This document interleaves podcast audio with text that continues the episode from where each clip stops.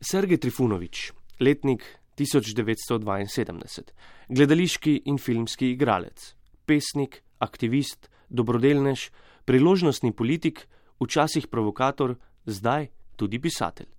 Rojen v Mostarju, odraščal v Užicah, Kruševcu in Beogradu, kjer tudi živi. Obiskal je Beograjsko fakulteto dramskih umetnosti in se kmalo pridružil kultnemu beograjskemu gledališču Atelier 212. Na odru je kmalo zablestev, nekateri so ga celo označili za največjega talenta srpskega gledališča, s čimer se ne strinja. Na to so v 90-ih sledili filmi, ki so ga izstrelili tudi na mednarodno prizorišče.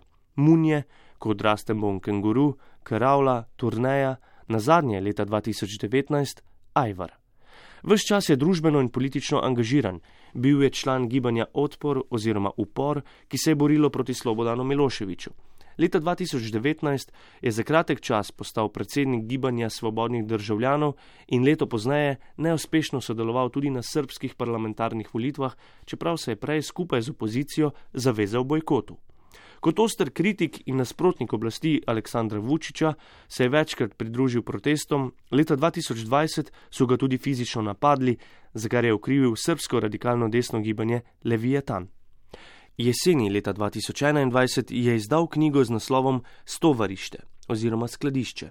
Nekaj odlomkov boste lahko slišali tudi med intervjujem. Moje ime je Gašper Andrinek. S Sergejem Trifunovičem sva se pogovarjala v Beogradu decembra 2021. Ja sam ranije razumeo Slovenci dok smo živjeli isto živi, pa i čuješ češće. Da. Sad kad odim ne razumem ništa. Znači, mladi pričaju brzo. Da. Pravi, da je včasih slovence razumel, saj jih je pogosteje slišal. Zdaj ne razume več toliko. Vseeno sva se dogovorila, da ga lahko sprašujem v slovenščini. Če me ne bo razumel, bova poskusila drugače. Prižgal si je prvo cigareto iz modre škatlice brez opozorilnih napisov. Povedal je, da se jih dobi samo v Združenih državah Amerike. Naj bi šlo za čisti tobak. Trebalo da radim sa košakom taj film Zvenenje v glavi, kod po Dragu Jančevu, to je bilo davno. Ko sva čakala na kavo in Coca-Colo zan ter vodo za njegovega psa Mileta, je mimo grede povedal, da bi moral igrati glavno vlogo v slovenskem filmu Zvenenje v glavi, ampak naj ne bi mogel tako hitro osvojiti slovenščine. Tvrđevo sredi Ljubljane. Aha, na gradu, da. Na gradu, da. Leta 2002 je sodeloval v predstavi Hazarski besednjak pod taktirko Tomaža Pandurja. Gostovali so tudi v Ljubljani. Še vedno si želi sodelovati z Dragonom Živedinovom, česar mu do zdaj še ni uspelo. Jer ne valja ni bez muzike. Z natakarjem se je dogovoril za stišanje glasbe v zgornjem nadstropju, kjer so sedela, in potem so tudi uradno začela. Sergej Trifunovič, dober dan. Dobar dan. Kaj se trenutno skriva v skladišču z imenom Srbija? Aha, šta se skriva u stovarištu koje se zove Srbija? Vrlo interesantno pitanje za početak. Bravo. Ovaj, odma, podra, odma podrašlje, što bi se reklo futbolski. Pa pazi kako, vr, dosta interesantno. Trenutno je na vlasti mafija, to je jasno kao dan. Zelo je zanimivo. Ta hip je na oblasti mafija, to je jasno kot beli dan. Kako to vemo? Aleksandar Vučić, predsednik Srbije, je najboljši učenec Vojislava Šešlja, za katerega vsi vemo, da je haški obtoženec, ki je menda že desetletje tam zaradi zločinov, ki jih je storil, morda pa so mu dodali še kakšnega, ki ga ni. A to je človek, ki je največji dejavnik sovražnega govora v tem prostoru. Človek, v primerjavi s katerim je Janez Janša kot Miki Miška. Čeprav je tudi Janez Janša patriot, prav toliko kot sta tu Aleksandar Vučić in Vojislav Šešelj. Zanima jih samo denar. Prodali bodo Slovenijo in Srbijo. Torej, na oblasti imamo mafijo. Naprimer, 12. marca 2003 so pripadniki zemunskega klana ubili premijeja Zorana Džinđiča. In eden od sodelavcev zemunskega klana, ki je dvakrat padel na poligrafu, je bil človek, ki zdaj upravlja že drugi mandat kot zdravstveni minister v srpski vladi. Človek, ki je ubijal ljudi v spanju. Potem si lahko mislite, kaj vse se še lahko skriva v skladišču imenovanem Srbija. Dakle, sad možete misliti kad se ovo krije u, u skladišću zvanom Srbija, kaj se sve još mo more kriti. Kako pa vi živite trenutno? Naš, moj, da, da, modo svita jest, što bi rekli stari latini. Ja sam uvijek živio dosta hitro. Ja sam uvijek živio u svom ritmu i svom vremenu kako god. Moj modus vite oziroma način življenja je tak, da od nekdaj živim zelo hitro. Vedno sem živel v svojem ritmu in v svojem času, ne glede na to, kaj se je dogajalo. Okoli nas so padale bombe, tepla nas je Miloševičeva policija in nas zalivala z vodnimi curki, sozivcem, pretepala s pendreki. Svoje življenje živim, kot ga živim in živim ga dobro. K sreči igra in nasploh kultura nista v domeni teh ljudi, ker tam ni veliko denarja in tako mi nihče ne more prepovedati, da igram. Od tega pa se vseeno dobro živi. I onda niko ne može da mi zabranjuje da glumim. A od toga se ipak dobro živi. Ne bi ne mogu da kažem da živim zaista lepo. Vi ste zelo dejavni v družbi, ne? družbeno in politično angažiran. Je treba biti angažiran v današnji družbi? Ja mislim da treba biti angažiran u, u svakdašnjoj družbi. Znači svako vreme, na svakom mestu. Mislim, da je treba biti angažiran v vsaki družbi, v vsakem času in na vsakem mestu.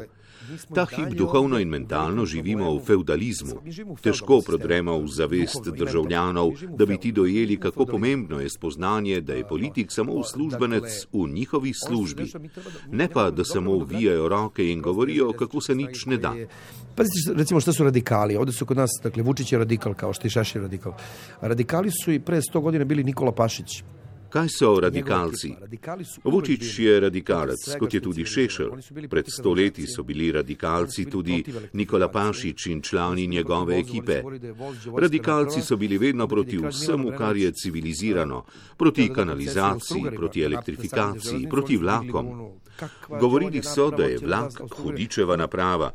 In ko je kralj Milan Obrenovič hotel Avstro-Ogrski podeliti koncesijo, so organizirali upor proti tej hudičevi napravi.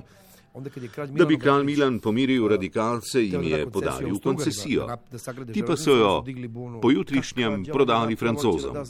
Razumete, to so radikalci, to so ti naši patrioti, ljudje, ki prodajajo državo. Patriotizem je, kot pravi Bertrand Russell, poslednje zatočišče lopovov. Znači, patriotizem je, što reče neko, tipa Bertrand Russell, poslednje utočište hulja. Bili ste eh, aktivistični že v mladosti, ne? odpor, uh, gibanje odpor in vse to. Zdaj uh, imate stranko uh, Gibanje svobodnih državljanov, pokret svobodnih građana. Kakšne so razlike med tistim in trenutnim časom in vsem tem angažmajem? Pa razlike su velike. Dakle, mi ne možemo u, u istu vodu dva puta ugaziti. Već sutra nije isto što i danas. Pričamo i o političkoj situaciji, pričamo i o, i o društvenoj svesti građana, pričamo o situaciji koja trenutno vlada u svetu, situacija koja je bila tad kad, kad je padao Milošević. Razlike so velike. Ne moreš dvakrat stopiti v isto vodo. Že jutri ne bo enako kot danes. Pri tem mislim na politične razmere, na družbeno zavest državljanov in na razmere po svetu nasploh. V primerjavi z razmerami, ki so vladale v pacu Miloševiča pred 20 leti, veste, kako veliko je 20 let. V tem času so zrasle generacije, zgodilo se je veliko stvari. To sploh ni primerljiv čas. Če primerjam ta dva akterja, lahko rečem dvoje. Najprej, kot je rekel nekdo, da se zgodovina ponavlja. Prvič kot tragedija, drugič kot farsa. Če je bil Miloševič dostojanstven in dostojen nasprotnik in je bil bilo v 90-ih tudi upreti se mu dostojanstveno dejanje, je tole zdaj pod vsakim nivojem. To farsično ponavljanje tega poglavja je pod vsakim možnim nivojem, to so najhujši možni ljudje. Prvog poglavlja je ispod svakog mogućeg dna. To su najgori mogući ljudi 10.0, da li me razumete? Kako ste se vi osebno spremenili od takrat? A kako ste se promenio? Jako ste se promenio. Amerika je moje petogodišnje iskustvo v Americi je mene promenilo zaovek. Zelo sem se spremenil. Petletna izkušnja v Ameriki me je za vselej spremenila. Pred njo sem bil povsem drugačen človek.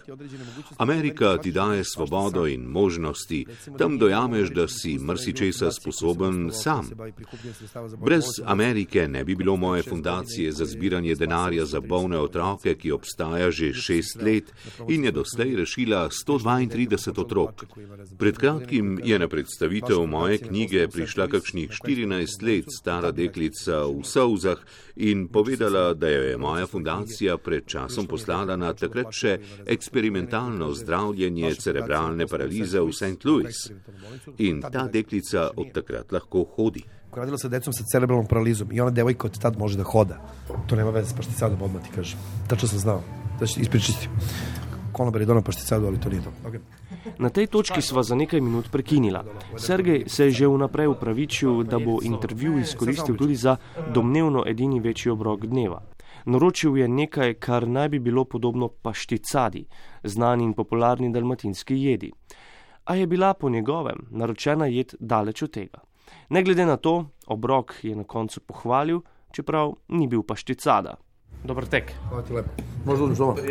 V njegovi knjigi, ki je polna vratolomnih zgodb, podzgodb, anegdot in prigod iz njegovega življenja, se v enem delu vrne tudi na morje, v Dalmacijo, kamor poleti še vedno rad zahaja. Tam ga je s kulinariko prevzel skrivnosti šenjor Vinko. Več let sem na morju odklanjal vso hrano, če ni bila iz morja. Šenjor me je napeljal naj spremenim to načelo. Prisežem, da še nisem jedel boljše jagnjetine, kot sem jo v konobih varanin. Pozabite na mačkat, pak in brate Grke. Več ur bi vam lahko pisal o tej šalši in njokih, prilogi iz bučk in česna, kar je uporabljal na mesto blitve, ki sem jo ob ribi vedno sovražil. To prilogo smo nekoč za manj poskušali pripraviti pri mojem bratu v Beogradu. Šenjor je vedel za tajno sestavino, ki vam ne bi veliko pomenila, tudi če bi jo imeli v rokah. Potem je v konobi sedel na klopco, se sezu, dvignil noge in zaspal, še preden bi se z glavo dotaknil klopce. Zasmrčal bi celo prej kot zaspal, včasih bi zasmrčal sredi stavka. Če se vrnemo v Srbijo nazaj, opozicija proti Aleksandru Vučiću je nek miks vsega. Ekstremne levice, sredine, ekstremne desnice, naprimer eh, stranka Dveri, oni so desničari. Kako lahko tako različna gibanja sobivajo v boju proti trenutni oblasti. To vam samo govori, to vam samo govori kakva je trenutna vlast. Ako su se svi udružili protiv nje, i levica, i desnica, i ovi, i oni, i stari, i mlado, to vam samo govori koliko je ta vlast loša. To vam pove vse o tem, kakšna je trenutna oblast. Če so se prav vsi združili proti njej, levi in desni, staro in mlado, To vam vse pove o tem, kako je ta oblast slaba.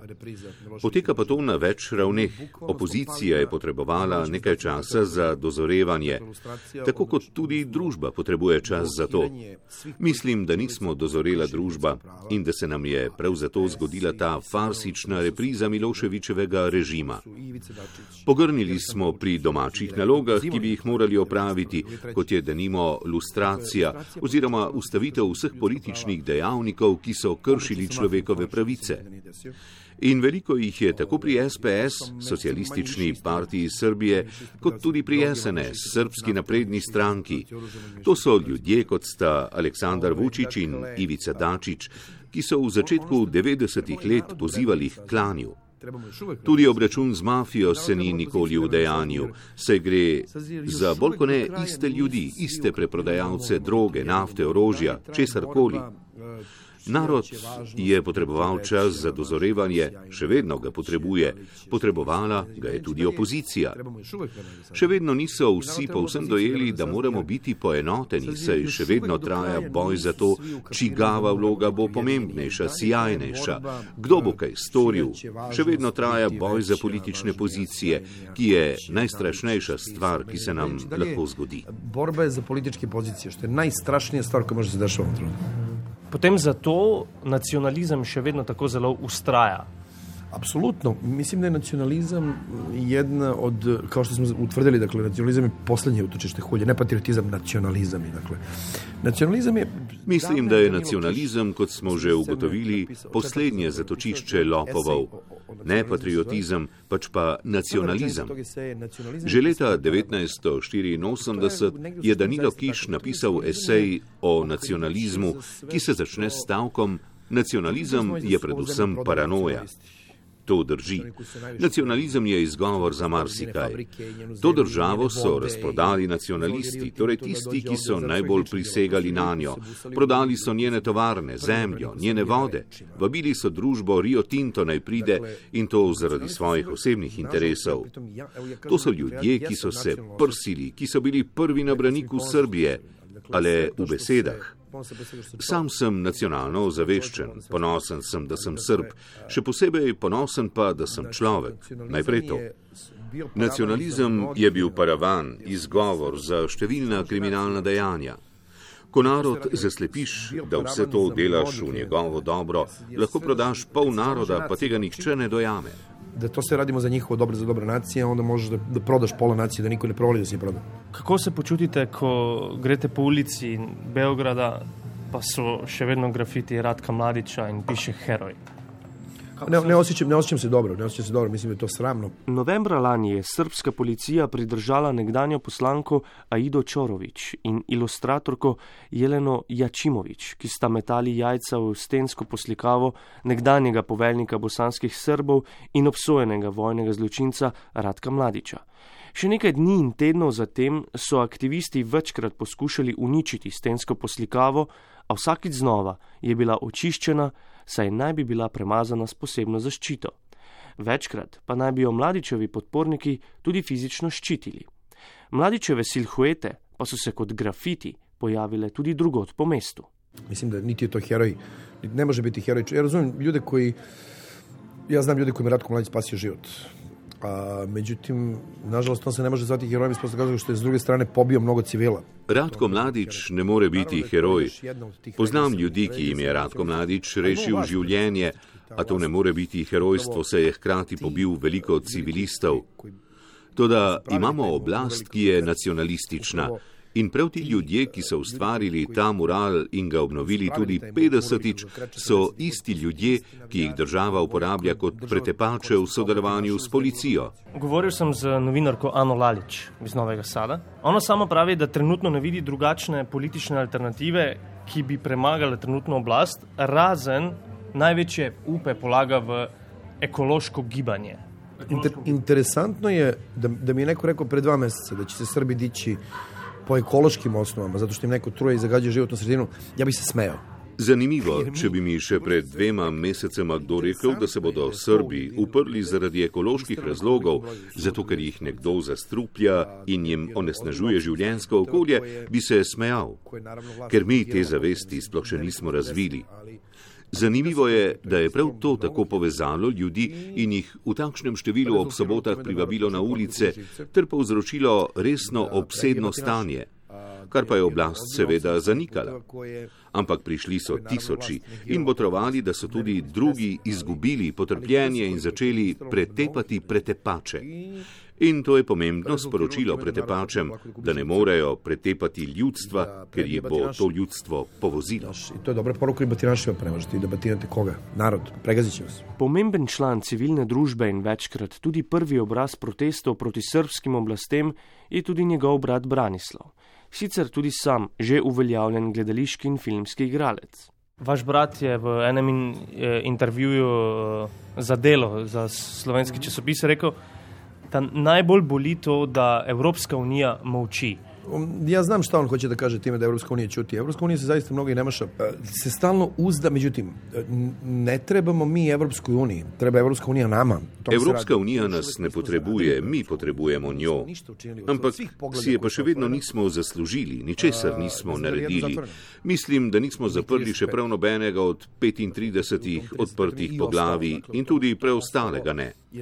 In med to drugo spadajo tudi dobri odnosi z Albanci na Kosovu, ki jih nimamo.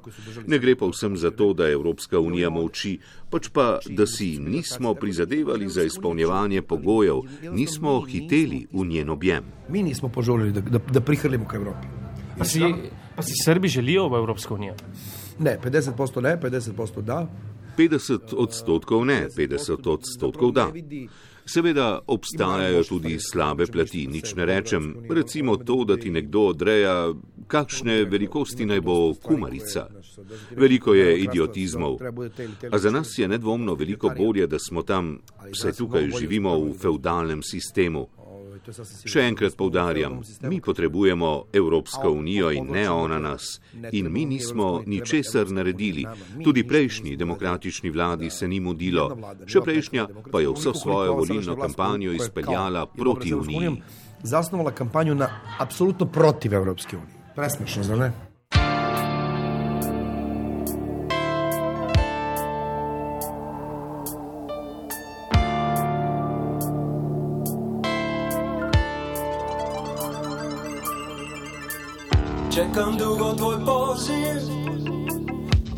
Neizvjesnost ima kraj, ljubav preko žice, unaprijed izgubljen raj. Letim avionom. Nedeljski gost Sergej Trifunovič je odraščal obdan s knjigami, ki so se kopičile v družinskem stanovanju.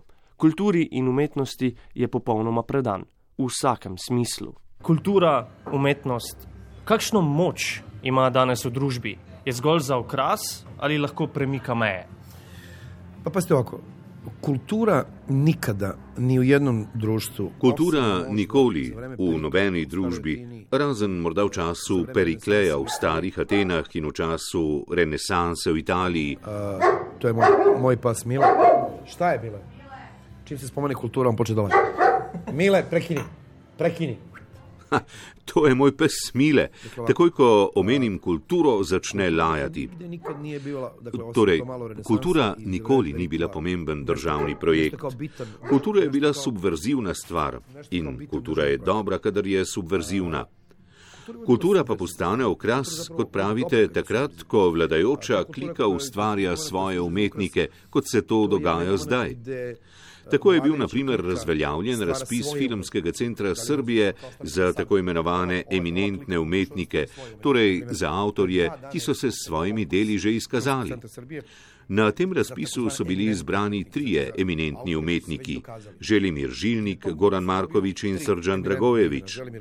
Na to pa je Jelena Trivar, članica Srpske nacionalne stranke in predsednica upravnega odbora Filmskega centra Srbije, brez argumentov razveljavila razpis, ker je šlo za tri ljudi, ki so kritični do oblasti. Torej, kultura je bila prava kultura, prava umetnost, vselej le takrat, ko je bila subverzivna.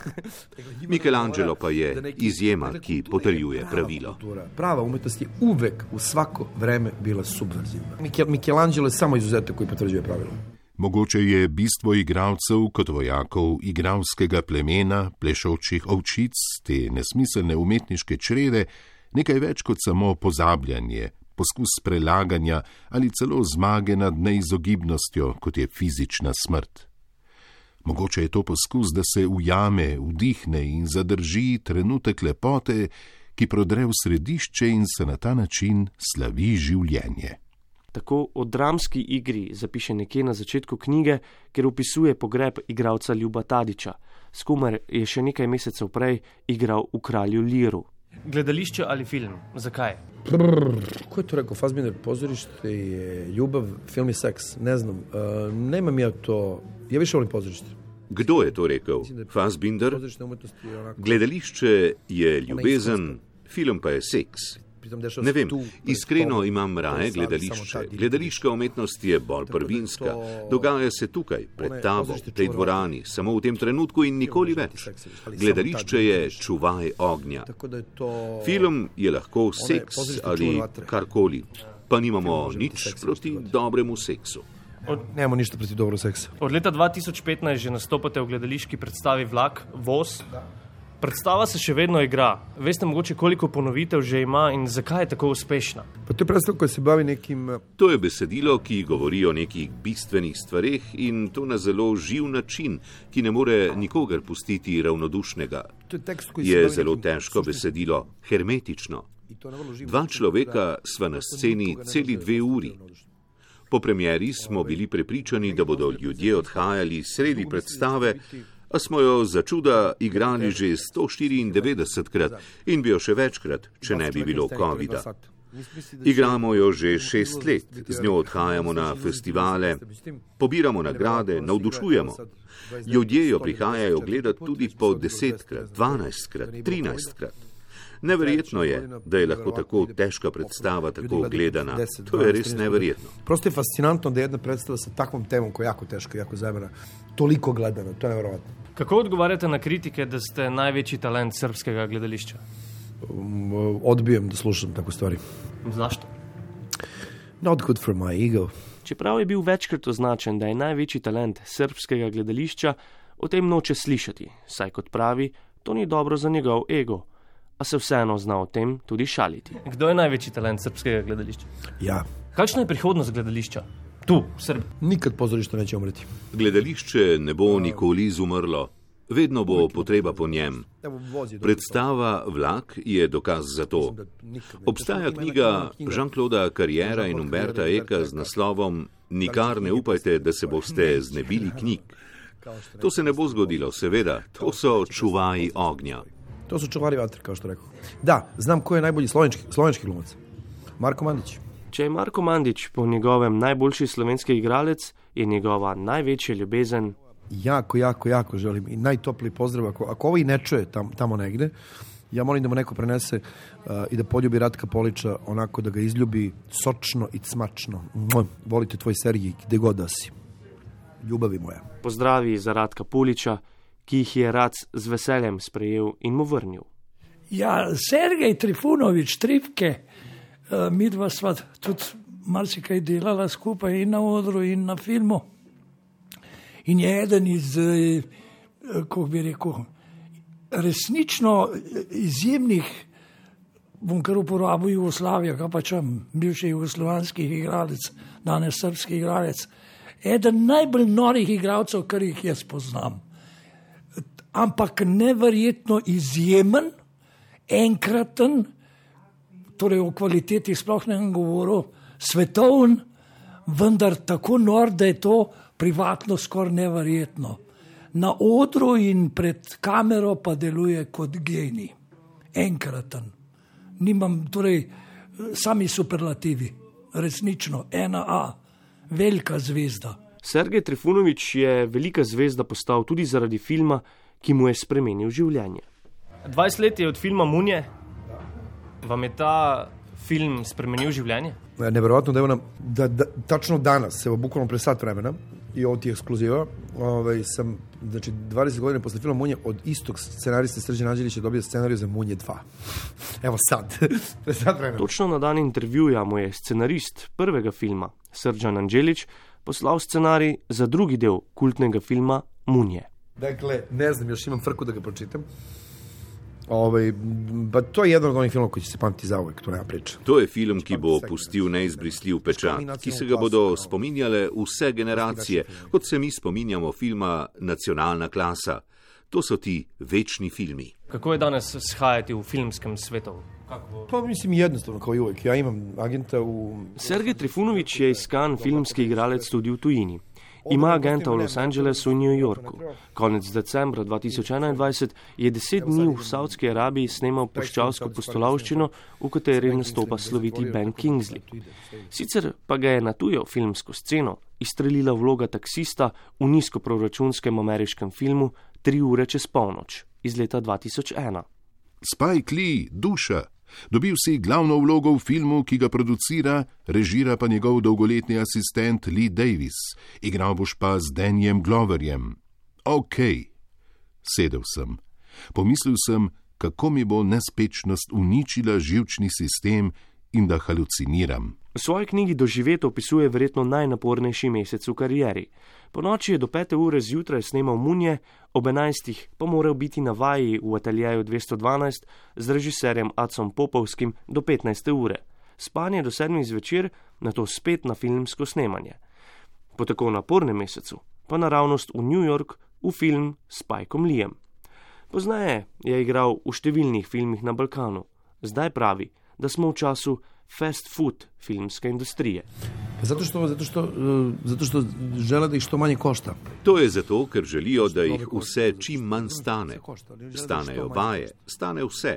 Producenti pa želijo dobiti najboljši možni izdelek v najkrajšem možnem času za najmanj denarja in ne razumejo, da je to nemogoče.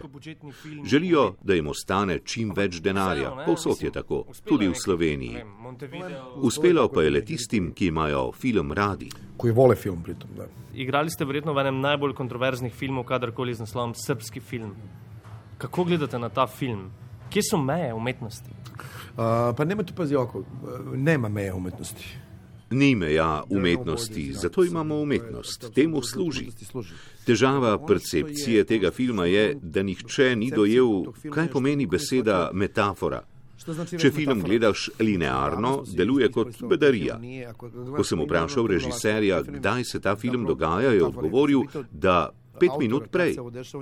Ta film je resna metafora, o tem lahko razpravljava ure in ure. Vprašanje je, kje so meje življenja, ne meje umetnosti in ali je teh pet minut že napočilo. Lahko bi rekli, da življenje nekako trči v ta film. Odnosno, život se već negdje dosta sudara sa tim filmom. Bi lahko rekli, da ste del estrade? Ja mislim, da je to uvreda. Mislim, da je to uvreda. Mislim, del estrade. Mislim, da je to žalitev, čista žalitev. Estrada so resničnostni šovi, pevci narodnjaških pesmi, ženske s silikonskimi usadki. Sam ne spadam v ta krok. I don't belong there. Predvsem, ker je kritičen do vlade in ker je javna osebnost, ga tabloidi večkrat napadajo in iščejo podrobnosti v njegovem zasebnem življenju, ki ga nikakor ne želi izpostavljati. Zato mu nikakor ni povšeči, če se ga uvršča v tako imenovano estrado, ki ima zanj izrazito negativno konotacijo. Ne glede na to, vseeno rad poklepeta z ljudmi, ki ga na ulici prepoznajo, še posebej, če se ima z njimi o čem pogovarjati. Tik preden sva se srečala, so ga mimoidoči prepoznali in prosili za fotografijo, česar ni odklonil. Tudi v restauraciji so vsi vedeli, kdo je. Ampak ljudje vas ustavljajo po ulici, sli, eh, slikate se. Zato, zato sem poznati umetnik, ali nisem estrada. Vam je to pohvala, da vas ljudje ustavljajo? Oni koji znaju zašto me zaustavljaju, da. Se, se radi ustavljate z ljudmi, pa govorite z njimi? Naravno, da, ako imamo čemu. Glasba je zelo pomemben del njegovega življenja. Imam preko 4000 ploča, jaz sem deljen na gramofonima. Ja prosto volim muziku. Ima več kot 4000 plošč. Doma preigrava kitare in klavir. Tudi v svojih filmih se je večkrat moral glasbeno udejstvovati, kar pa mu ni predstavljalo večjega izziva. Muzika je ena najbitnejših stvari v životu. Ena izmed zgodb, ki so jo številni čakali že dolgo, je zgodba o tem, kako je srečal znamenitega in že skoraj mitskega frontmana Azre, Johnja Štuliča, ki je izginil iz javnega življenja na Balkanu in se preselil na Nizozemsko. Tam ga je povsem po naključju na začetku leta 1999 sredi noči obiskal Sergej s prijatelji. V enem trenutku je začel predvajati nekaj od bitlov, zagrabil za kitaro in se začel dotikati strun. V sebi sem zakričal: Pusti zgodbe, igrajmo! Tistega večera sem si tega najbolj želel. Na mojo žalost se to ni zgodilo. Kitaro je hitro vrnil nazaj na stojalo, vzdušje ni bilo pravo. Pozneje sta z Johnjem ostala v stiku. Pomemben del življenja Sergeja Trifunoviča je tudi poezija, ki jo piše med snemanji ali pozno po noči. Nekaj pesmi je vključil tudi v knjigo, ki jo vse čas omenjamo. Eno izmed njih z naslovom Nigde oziroma Nikjer, zdaj recitira njegov igralski kolega Vojislav Brajovič. Nigde. Čudno. Ništa ne osjećam. Ni smrad, ni bes. Tuga je što i radost. Lepa žena, telegrafski stub. Samo mala deca pilja u mene. Bog zna šta ona vide. Gledam kako mi krv šihlja iz razjapljene rane i vidim peščane karibske plaže. Kao da vidim kreč. Nešto mi je sigurno ostalo, samo ne znam šta. Ljudi me više ne bole. Ne viđam ih. Njihove maske nose maske. Neću se prenuti, moguće ni čuti, kad počnu da laju iza pamuče i zabrana. Pokušao sam da se nasmejem. Poispadali su mi zubi. Poželeo da se isplačem. Moja suza je izgleda ponornica. Hteo sam sliku da stavim u reč. Onda je cinizam postao avangarda. Odsustvo empatije postmoderna, ravnodušje rutina. Ne odustajem, jer se ne sjećam ni da sam počeo. Ne odlazim, jer ne znam gde bih. Čudno je. Osjetio sam na trenutak da sam umoran, da volim i pravdam svet. A onda su nestali i ljubav, i umor, i svet.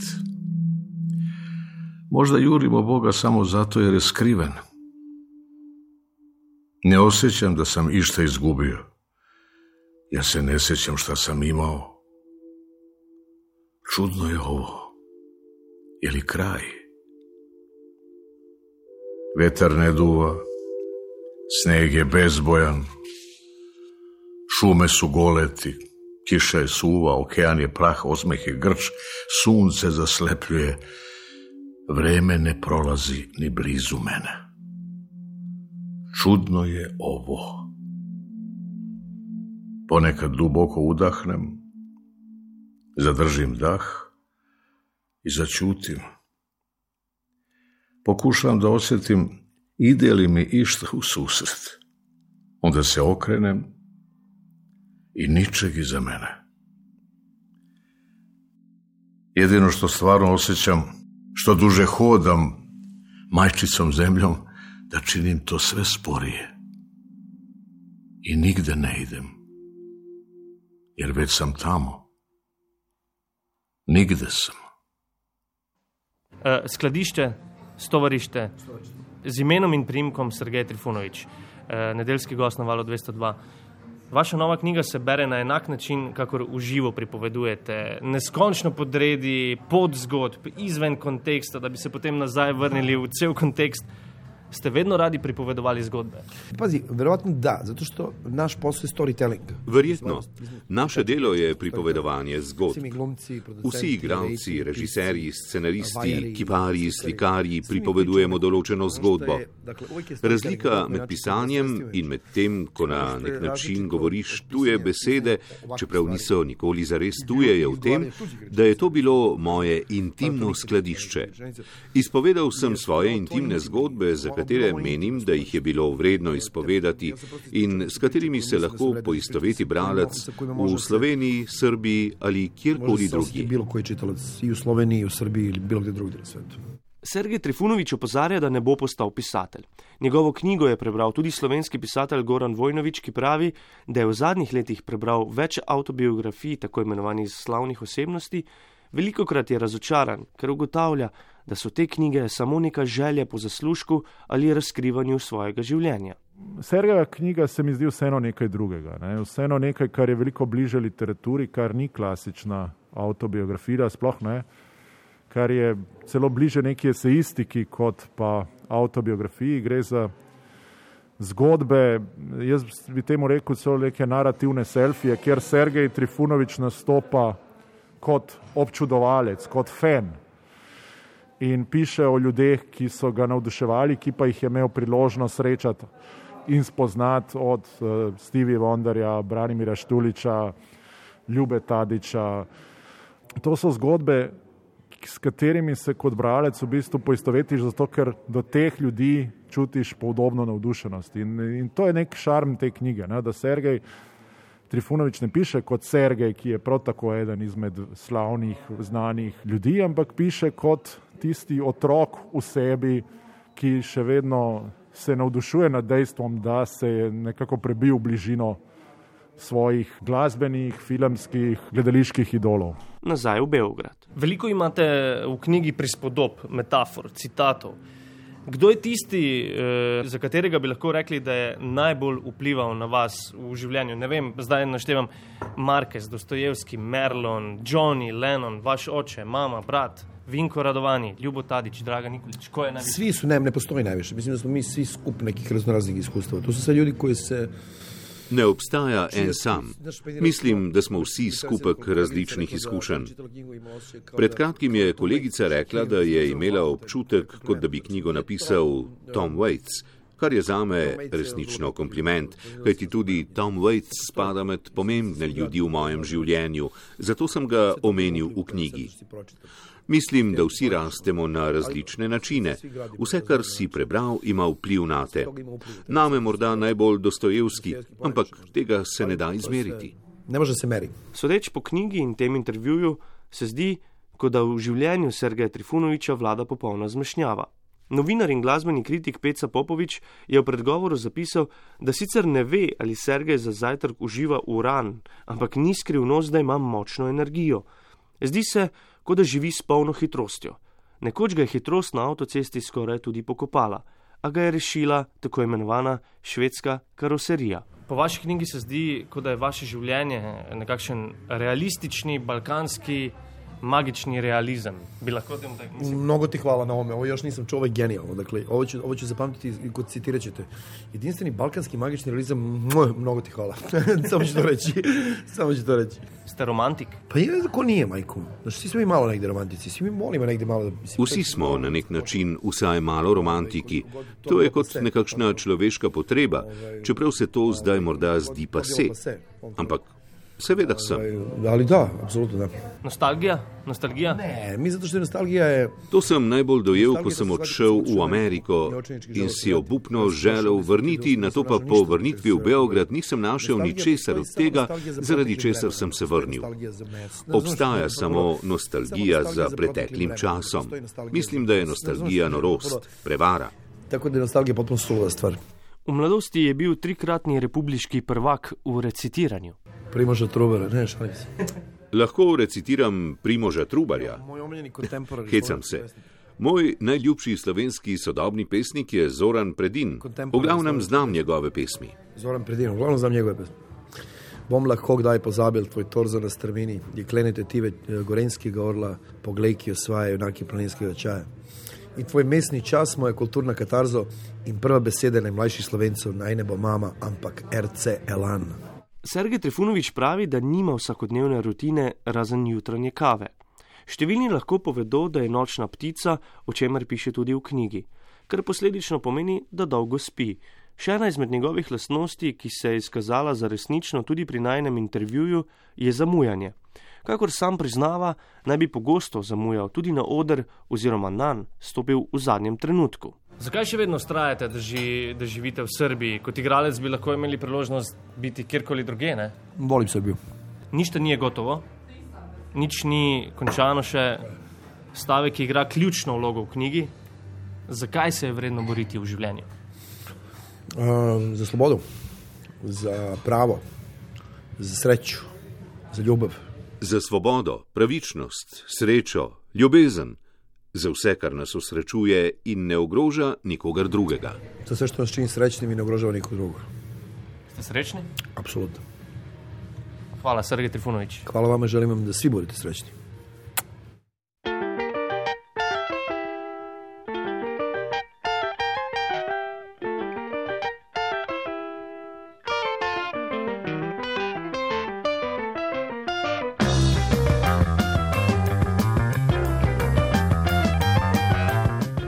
To je bil intervju s srpskim gledališkim in filmskim igralcem ter družbeno in dobrodelno angažiranim aktivistom Sergejem Trifunovičem. Z njim sem se decembra 2021 sredi Beograda srečal Gašper Andrinek. Pri pripravi besedila je sodelovala Jana Vidic, lektorirala Saša Grčman, prevode je bral Jure Franko, izseke iz knjige Ivan Lotrič. Posebno zahvala Goranu Vojnoviču in Radku Poliču. Med pogovorom ste slišali delčke glasbe po Sergejevem izboru. Igrala sta Aleksandr Mežek in skupina Yes. Odajo nedeljski gost poiščite na val202.si ali sledite v aplikacijah za podkaste, kjer jo lahko tudi ocenite.